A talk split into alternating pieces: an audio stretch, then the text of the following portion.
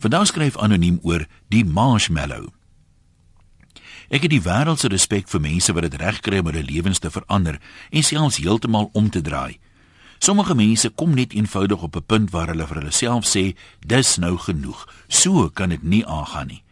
Die honger na iets beters raak groter as die gemaksone van bly waar jy is en dit het as dit ware 'n suigkrag effek wat hulle tot aksie dwing. Dis amper soos 'n vliegtyg wat opstyg. Hy moet eers vinnig genoeg op die aanloopbaan ry, doelgerig en sonder aarzeling voor die laagdrukstelsel bokant sy vlerke vorm wat hom dan in die lug opsuig. Dis seker 'n ander vraag of mense eerder nader gesuig word deur die ideale wat hulle wil bereik of weggedruk word deur die ongemak van hulle huidige omstandighede waarvan hulle wil wegkom. Hulle sê mos the first step towards change is discomfort. Hoekom ek so baie respek het vir sulke mense is omdat dit vir die meeste van ons nie natuurlik kom nie.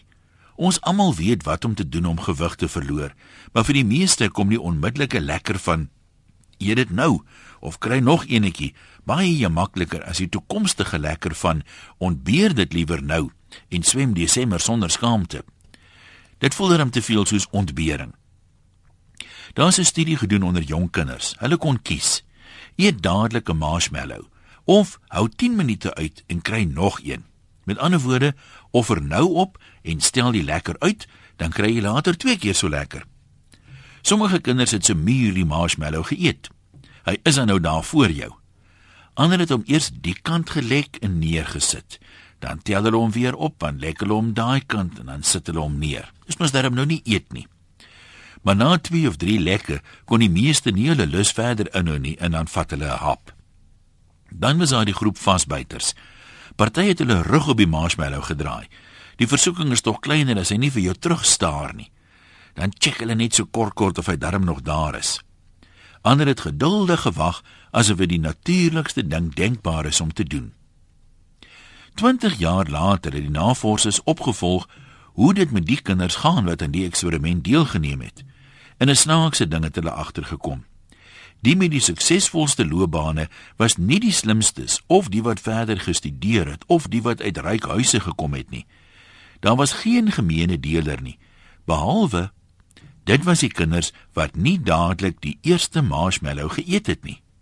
Hulle inkomste en lewensstandaard was beduidend hoër as die res, maar meer nog, die groep was ook die gesondste en die gelukkigste.